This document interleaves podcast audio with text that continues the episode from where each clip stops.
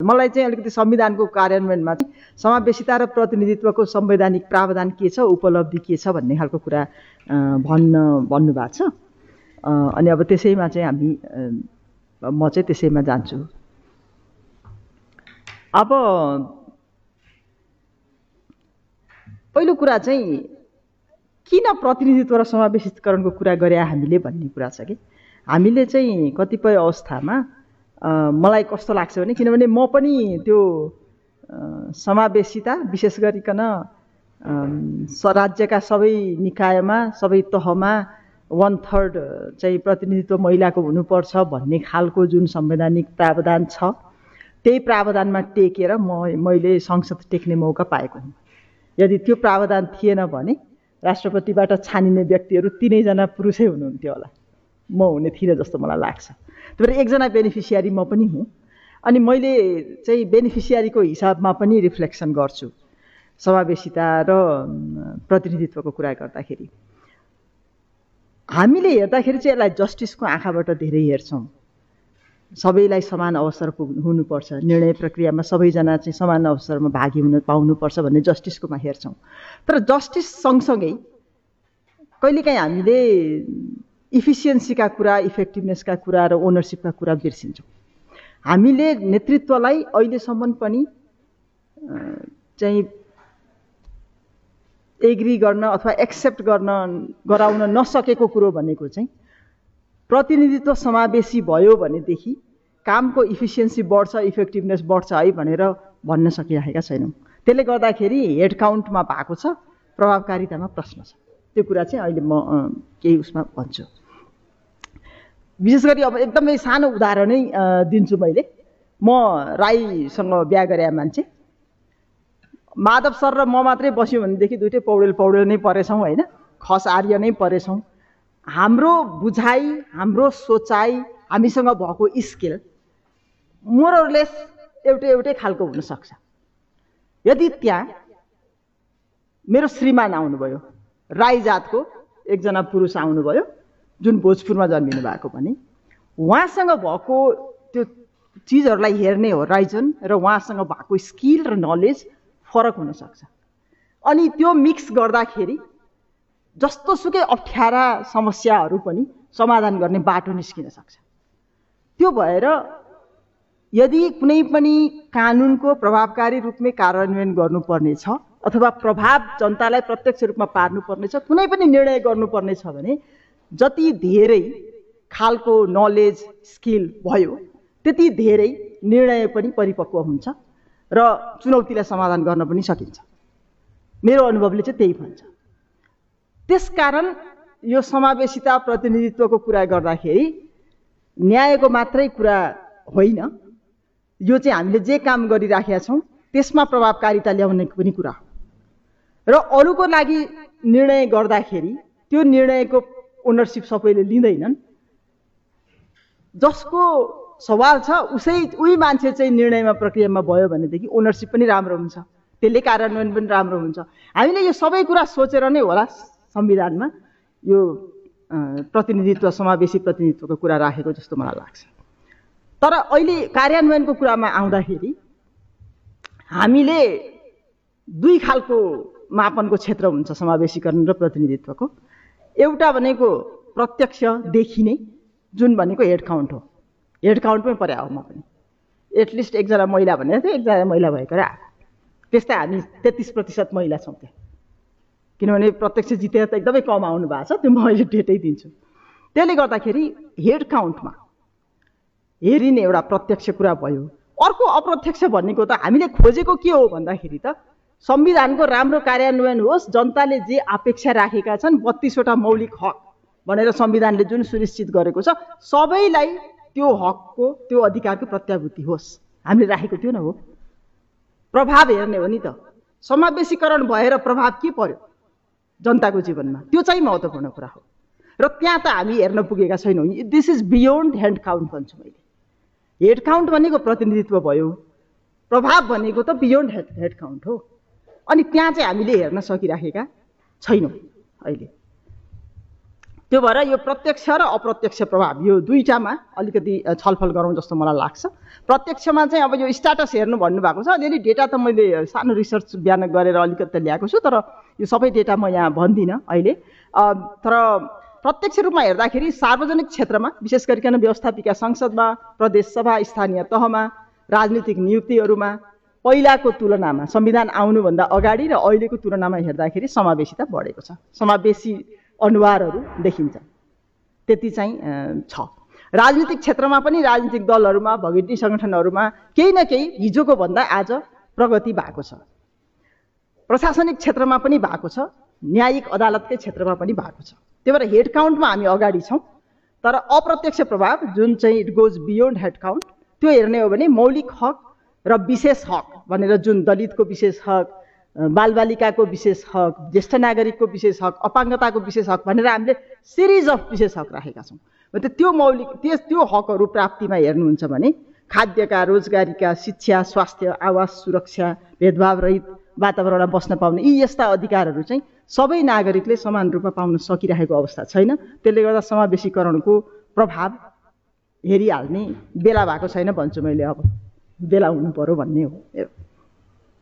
अब यो रिफ्लेक्सनलाई म अलिकति चाहिँ पहिला निचोड भन्छु अनि त्यसपछि त्यसलाई म उ गर्छु है। प्रतिनिधित्वको हकमा मैले अघि नै भने महिलाको सङ्ख्यामा उल्लेख्य प्रगति भएको छ तर अन्य समूहको हकमा अझै पनि नगर्ने छ।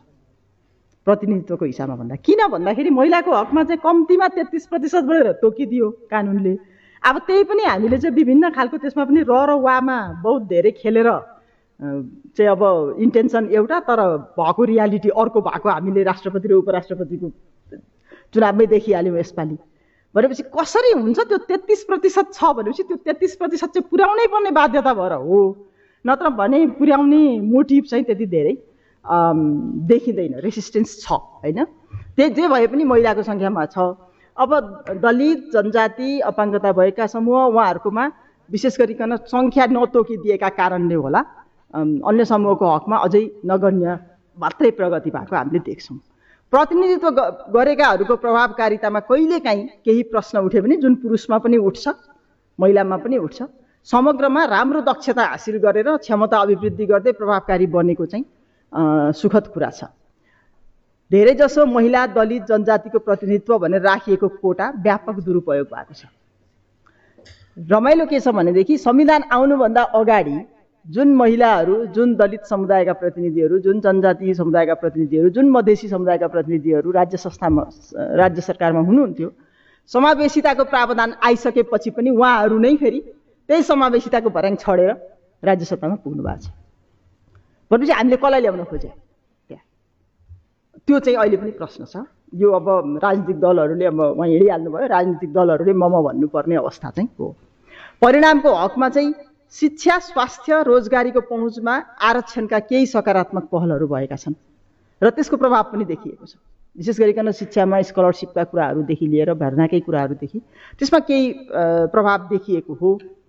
तर सर्वसाधारणको जीवनको जीवनमा चाहिँ त्यति धेरै प्रभाव देखिएको छैन जसले गर्दा संविधानप्रति र व्यवस्थाप्रति नै अलिकति विरोध र अलिकति निराश बन्दै गएको जमात हामीले देखिरहेका छौँ। यो कसुर चाहिँ संविधानको होइन कार्यान्वयनमा इमान्दारिता र जवाफदेहिता नहुँदाको समस्या हो भनेर लाग्छ मलाई। अब त्यो हिसाबले हेर्दाखेरि विभिन्न राजनीतिक व्यवस्थामा हामीले हेर्दा सेलिब्रेट गर्नुपर्ने थुप्रै कुराहरू छन्। सेलिब्रेट गर्नुपर्ने कुराहरू राजतन्त्रको बेलामा उन्नाइस सय साठीदेखि नब्बेसम्ममा हेर्दाखेरि चौबिसवटा सरकार बनेका रहेछन्। सात सरकारमा एकजना महिला हुनुहुँदो रहेछ अठारवटा सरकार महिलाविहीन रहेछन्। यति बेला जात जाति दलित आदि इत्यादिको त कुरै छोडौँ त्यो डाटा पनि भेटिँदैन। न्यायपालिकामा त शून्यकै अवस्था रहेछ। बहुदलीय प्रजातन्त्रको बेलामा आउँदाखेरि व्यवस्थापिकामा करिब तिन पोइन्ट पाँचदेखि छ प्रतिशत देखिन्छ महिलाहरू। अनि पहिलोचोटि स्थानीय शासन ऐनबाट बिस प्रतिशत आरक्षण गरेपछि मात्रै महिलाहरू एकैपटक चालिस हजार महिलाहरू पब्लिक्समा आउनुभएको छ। तर अब गणतन्त्रको र हालको अवस्था हेर्नुहुन्छ भनेदेखि यहाँहरूलाई थाहा छँदैछ मैले भनिराख्नु परेन। स्थानीय तहमा चालिस प्रतिशतभन्दा बढी छन् झन्डै बिस प्रतिशत महिला दलित महिलाको छ। पचास प्रतिशत प्रमुख उपप्रमुखमा महिलाहरू छन्। प्रदेशमा तेत्तिस प्रतिशत बढी छन्। त्यसले गर्दाखेरि राम्रा कुराहरू भएका छन्। संविधानमा भएका प्रावधानहरू यहाँहरू सबै कानुनका जानकार हुनुहुन्छ। मैले यो भनिरहेन। एउटा कुरा के चाहिँ भन्छु भनेदेखि संविधानले प्रतिनिधित्व मात्रै भन्दैन सहभागिता मात्रै भन्दैन। अंश वंशका कुरा गर्छ हिंसा न्याय र क्षतिपूर्तिको कुरा गर्छ प्रजनन स्वास्थ्यको कुरा गर्छ बत्तिसवटा मौलिक हकका कुरा गर्छन्। यी भनेका समावेशिता र प्रतिनिधित्वका प्रभाव हुन् है भनेर हामीले बुझ्न पर्ने जरुरी छ। कानुनहरू पनि थुप्रै बनेका छन् प्रतिनिधित्व र समावेशीकरणका लागि बनेका कानुनहरू त्यो पनि मैले यहाँ पढिरहनु परेन। मलाई यो फोटो एकदम मनपर्छ मैले अब सामान्य यहाँ बस्नु उहाँलाई चाहिँ देखाउँछु। अनि अरूलाई भन्दाखेरि पनि म त्यति बेला राष्ट्रपति कार्यालयमा पढ्थेँ बस्थेँ। थिएँ। त्यति बेला सबैभन्दा आनन्द के लाग्थ्यो भनेदेखि पाँचजना चाहिँ सम्माननीय ज्यूहरू त्यहाँ कुनै दिन पार्टिसिपेट गर्नु पर्यो भने त्यसमा तिनजना महिला हुनुहुन्थ्यो। आज पनि दुःख लाग्यो र अहिले दुःख लाग्दो अवस्था के छ भने पाँचजनामा पाँचैजना पुरुष हुनुहुन्छ। हामीले राख्न चाहिँ सकेनौँ। मेन्टेन गर्न चाहिँ सकेनौँ। र मेन्टेन गर्न नसक्नको पछाडि थुप्रै रेसिस्टेन्सका कारणहरू छन्। तर पनि जो समावेशिता महिला र पुरुषको मात्रै नहेरेर अरू हेर्ने हो भने सङ्घीय गणतन्त्र बनेपछिको पहिलो राष्ट्रपति उपराष्ट्रपति रामवरण यादव र परमानन्द झा जुन चाहिँ समावेशिताकै अनुहार झल्किन्छ। दोस्रो अब विद्यादेवी भण्डारी र नन्दकिशोर पुन समावेशिताकै अनुहार झल्किन्छ। तेस्रो रामचन्द्र पौडेल र रामसहाय यादव उहाँहरू पनि समावेशिताकै अनुहार चाहिँ झल्किन्छ। तर लैङ्गिक विभेद चाहिँ छ भनेर चाहिँ मैले भन्छु। अब दुई हजार सोह्रमा पहिलो पटक चाहिँ अब सर व्यवस्थापिकाको सर्वोच्च पदमा म्याम पुग्नु भएको। त्यो हाम्रो हामी सबैको लागि गौरवको विषय भएको छ। त्यही भएर यो आठ वर्षमा महिलाको प्रतिनिधित्वमा केही सुधार भएको छ तर अरूको प्रतिनिधित्व चाहिँ टोकनकै हिसाबमा राखिएको अवस्था छ। चाहे त्यो राजनीतिक दलमा होस् एकदमै कम मात्रै ठाउँमा पुगेको देखिन्छ। व्यवस्थापिकामा र उसमा पनि त्यस्तै छ। अब यो मैले धेरै मैले केही डेटा त ल्याएको थिएँ तर म यहाँ देखाउँदिनँ। प्रतिनिधित्वको अवस्था व्यवस्थापिकाको र कार्यपालिका न्यायपालिकाको। न्यायपालिकामा अहिले पनि निकै कम देखिन्छ। निजामती सेवामा हेर्दाखेरि चाहिँ स्वास्थ्य क्षेत्रमा पैँतालिस प्रतिशतभन्दा बढी देखिन्छ भने अन्य क्षेत्र र सेवामा बिस प्रतिशतभन्दा कम देखिन्छ महिलाहरूको।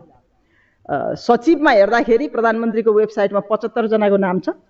अनि सचिव स्तरको कर्मचारीको तीमध्ये प्रदेश सचिवसहित जम्मा सातजना महिला छन्। पचहत्तरमा सातजना। हामी कहाँ कहाँ छौँ छौँ? कुरा है। त्यो अवस्था छ। अब कार्यपालिकामा हेर्दाखेरि बाइस मन्त्रीमध्ये चारजना महिला। राज्य मन्त्री चाहिँ महिलाको प्रभुत्व बढी छ है। तिनमा दुई छ। अब निर्वाचनपछि प्रतिनिधित्वले केही अवसर चाहिँ देखाएको छ हामीलाई। अवसर के छ भने महिला दलित र पछाडि परेको समुदायबाट प्रतिनिधित्व गर्ने व्यवस्थापिका कार्यपालिका न्यायपालिका जहाँ होस् जसले प्रतिनिधित्व गर्नुभएको छ नि राम्रो गर्नुभएको छ। हामी बारम्बार भन्छौँ क्षमता छैन क्षमता भएको मैले पाइँदैन क्षमता भएको दलितै पाइँदैन तर जसले अवसर पाउनु भएको छ सुरुमा अल्मलिनु भएको छ तर उहाँहरूलाई एउटा प्रेसर हुँदो रहेछ कि every one is looking at her मैले त डेमोन्स्ट्रेट गर्नै पर्छ भन्ने प्रेसर। पुरुषलाई देखिँदैन नि। कुनै पनि नयाँ पोजिसनमा पुरुष आउनुभयो भने यो पुरुषले यो काम गर्न सक्नु चाहिँ सक्नुहुन्न भनेर no one will think about it तर त्यही ठाउँमा कुनै महिला पुग्नुभयो भने अथवा दलित पुग्नुभयो भने काम गर्न सक्छ कि सक्दैन भन्ने प्रश्न एउटा आइहाल्दो रहेछ कि? अनि त्यो ठाउँमा पुग्नेलाई जहिले पनि एउटा प्रेसर हुने कि I need to demonstrate I need to work स्ट्रेसमा काम गर्नुहुन्छ तर जसले गर्नुहुन्छ त्यसले राम्रोसँग गर्नुभएको चाहिँ देखिन्छ। धेरैलाई चाहिँ यो प्रतिनिधित्व यो प्रपोर्सनेट इलेक्सनकै हिसाबले आएको होस् अथवा एक तिहाई महिला भन्ने प्रावधानले आएको होस् प्रतिनिधित्व चाहिँ तालिम हब जस्तो पनि भएको छ क्षमता र आत्मविश्वास बढाउने ठाउँ पनि भएको छ। धेरै सकारात्मक कानुनहरू पनि बनेका छन्। माधव सरसँग हामी धेरै काम पनि गर्छौँ संसदमा विशेष गरी समितिमा निकै धेरै झगडा पर्छ हाम्रो चाहिँ विपक्षी विपक्षी भनेको त्यहाँभित्र चाहिँ हामीले राख्न प्रावधान राख्न नमान्नेहरूसँग चाहिँ निकै झगडा पर्छ समावेशिताकै विषयमा महिलालाई राख्नुपर्छ दलितलाई राख्नुपर्छ भन्ने खालका विषयमा। त्यो भएर जो ठाउँमा पुगेको छ उसले चाहिँ त्यो गर्छ गर्न सकिन्छ। गरे हुन्छ र गर्न सकिन्छ भन्ने भाष्य पनि डेभलप भइराखेको छ विशेष गरिकन स्थानीय तहमा गएर हेर्ने हो भने स्थानीय तहमा आएका महिलाहरूले हिजो अस्ति चाहिँ भाँडा माझेर भात पकाएर मात्रै बस्ने महिलाहरू पनि अहिले नयाँ रोलमा जाँदाखेरि पनि राम्रो डेमोन्स्ट्रेट गर्नुभएको छ। त्यो हेर्नको लागि हामीले कोरोना काल हेरे हुन्छ। कोरोना कालमा उहाँहरूले कसरी व्यवस्थापन गर्नुभयो भनेर। त्यो भएर गर्न सकिन्छ भन्ने पनि भाष्य चाहिँ आएको छ। अब प्रतिनिधित्वमा एकदमै धेरै चुनौती चाहिँ दलको संरचना प्रक्रिया र मतदानमा हुने उम्मेद्वार मनोनयनमा छ। त्यो अब अघि इन्टरनल डेमोक्रेसीको कुरा आइहाल्यो धेरै नभनौँ। भित्री सत्तात्मक सोचको बिगबिगीले महिला दलित पछाडि परेका समुदायलाई विश्वास नगर्ने क्षमतावान छैन भन्ने त्यो अझै पनि छ। महिलाकै हकमा चाहिँ अलिकति कस्तो पनि छ भनेदेखि कार्यबोझ र समय अभाव पनि एउटा महत्त्वपूर्ण कुरा छ। हाम्रो चाहिँ महिलाहरूको चाहिँ विशेष गरिकन केयर इकोनोमीको कुराले पनि महिलाको क्षमतामा केही अप्ठ्यारो परेको चाहिँ देखिन्छ। फेरि कस्तो हुँदो रहेछ भनेदेखि राजनीति भनेको त नेगोसिएसन हो। यही संविधान पनि कति धेरै नेगोसिएसनबाट आएको डकुमेन्ट हो। नेगोसिएसन नेपालमा संसारमै होला जस्तो लाग्छ मलाई। कति बेला हुन्छ भने आफ्टर फाइभ हुन्छ। इन्फर्मल सेटिङमा आफ्टर फाइभ नेगोसिएसन हुन्छ। अनि त्यो नेगोसिएसन भइसकेपछि भोलि त्यसलाई औपचारिकता दिइन्छ। धेरै जसो महिला राजनीतिमा भएका महिलाहरूलाई व्यवस्थापिका संसदमा भएका महिलाहरू हुन् नेतृत्वमा भएका महिलाहरूलाई ठुलो समस्या हुन्छ। हामी त देख्दैनौँ। हामी पुरुषहरूलाई त बाह्र बजी राति घर गयो नि भइहाल्यो। बच्चाले खायो कि खाएन घरमा बिरामी को छ के कसो छ? यहाँ काठमाडौँमा बसेकालाई त्यति समस्या नहोला। तर जसले घर खेती सारा सम्हालेर चाहिँ जानुभएको छ बाहिर पब्लिक सेक्टरमा जानुभएको छ उहाँहरूलाई ठुलो समस्या छ। यो इन्फर्मल सेटिङमा नेगोसिएसन गर्ने हाम्रो यो परम्परा पनि निकै अप्ठ्यारो चुनौती छ। यो सबै प्रभावकारिताको लागि भनिरहेको छु मैले। अर्को चाहिँ अब बारम्बार सुनिन्छ प्रपोर्सनेट इलेक्सनले गर्दाखेरि चाहिँ महिलाहरू अथवा चाहिँ अरूलाई चाहिँ फाइदा भयो तर धेरैलाई बेफाइदा भयो कम्पिटिसन भएन। यो प्रपोर्सनेट इलेक्सन हटाउन पर्छ यस्ता खालका कुराहरू धेरै सुनिन्छ। तर प्रत्यक्ष रूपमा आउनको लागि महिला दलित र पछाडि परेकोलाई अझै समय लाग्छ। विशेष गरिकन आर्थिक स्रोत र परिचालनमा उहाँहरूलाई ठुलो समस्या छ। इलेक्सन महँगो छ हामीलाई थाहा छँदैछ र त्यहाँ कम्पिट गर्न गाह्रो छ। त्यो भएर अहिले हामीले यदि समावेशिता चाहने हो भने प्रपोर्सनेट इलेक्सनको अहिले नै विकल्प हुनु हुँदैन जस्तो लाग्छ जबसम्म इलेक्सनको प्रणाली यही रहन्छ। अरूमा मैले धेरै अब गइनँ। मैले सक्नुपर्छ त्यो भएर गइनँ। म खालि एउटै कुरा के भन्छु भनेदेखि दलको बारेमा धेरै भन्दिनँ। तर जो हामी प्रपोर्सनेट इलेक्सनको पद्धतिबाट आयौँ अथवा संवैधानिक प्रावधान इलेक्सन भनेको त व्यवस्थापिका संसदको र उसको मात्रै कुरा भयो। संवैधानिक प्रावधान छ नि छ कम्तीमा तेत्तिस प्रतिशत महिला हुनुपर्छ भने। त्यो प्रावधानबाट जो जति आयौँ हामीले पनि आफ्नो नेतृत्वको लागि आफै पहल गर्नुपर्ने थुप्रै एरियाहरू छन्। विशेष गरिकन गृह कार्यका कुरा त्यो अलिकति चाहिँ आफ्नो कामलाई नोटिस गराउने खालका कुराहरूदेखि होइन। अलिकति नयाँ जिम्मेवारीमा नयाँ खालको सिप चाहिन्छ त्यो सिप लिने तदारुकताकादेखि यस्ता कुराहरू छन्। दलको ठुलो भूमिका हुन्छ। राज्यको ठुलो भूमिका हुन्छ। नयाँ रोल दिएपछि नयाँ रोल दिएको मान्छेलाई लगानी गर्नुपर्छ उहाँहरूको उहाँहरूमा लगानी गरिएर भने हलो जोताउने मान्छेलाई कम्प्युटर दिएर कम्प्युटर दिने हो भने कम्प्युटर चलाउन सिकाउनुपर्छ कम्प्युटर चलाउने मान्छेलाई भात पकाउन लगाउने हो भने भात पकाउन सिकाउनुपर्छ नयाँ रोल दिएपछि त त्यही हो नि त। त नयाँ रोल दिइसकेपछि यो क्षमताको कुरा होइन। क्षमता सबैजनासँग हुन्छ। सिकाउने हो भने हुन्छ। अवसर पाउने हो भने हुन्छ। तर इन्भेस्टमेन्ट हुनुपर्छ। र त्यो इन्भेस्टमेन्टमा चाहिँ राजनीतिक दल पनि चुकेका छन्। महिलाहरूले जे जति गर्नुभएको छ दलित प्रतिनिधिहरूले जे जति गर्नुभएको छ अपाङ्गता भएकाहरूले जे जति अहिले गर्नुभएको छ सबै आफ्नै इनिसिएटिभबाट गर्नुभएको छ। त्यसमा राज्यको लगानी पनि एकदमै कम देखिन्छ र त्यसपछि दलहरूको लगानी पनि एकदमै कम देखिन्छ। यसलाई चाहिँ हामीले गर्नपर्छ जस्तो मलाई लाग्छ। अब यो संविधानले लेखेको छैन नलेखेको कुरा हुँदैन हाम्रो समस्या चाहिँ फेरि। त्यही छ। मैले यति नै भने अहिलेलाई। र लास्टमा चाहिँ मलाई के भन्न मन लाग्छ भनेदेखि प्रतिनिधित्व हेड काउन्टमा बढेको छ प्रभावकारिता पनि देखिन्छ तर पनि इन्भेस्टमेन्ट जरुरी छ। हामीले प्रभावकारिता हेर्ने हो भनेदेखि चाहिँ जनतामा चाहिँ प्रभाव अहिलेसम्म नोटिसेबल रूपमा परेको छैन। यसको एउटा कारण भनेको चाहिँ दलहरूले लगाउने विप हो है। यहाँ दलको नेताहरू पनि हुनुहुन्छ। म आफै कहिलेकाहीँ अकमक्क पर्छु। म महिलाको प्रतिनिधित्व गरेर त्यहाँ गएको छु भने महिलाको विषयमा मैले कुरा राख्छु मेरो दलको पोजिसन के हो? मेरो दलले बस भनेपछि म बस्नुपर्छ हात उठाउ भने उठाउनुपर्छ भनेपछि यस यसले चाहिँ दलितहरूको अधिकारको कुरालाई स्थापित गर्न जनजातिको अधिकारको कुरालाई स्थापित गर्न युवाहरूको अधिकारको कुरालाई स्थापित गर्न पनि अप्ठ्यारो परेको छ। त्यो भएर त्यो चाहिँ इन्डिपेन्डेन्स चाहिँ जरुरी छ। धन्यवाद।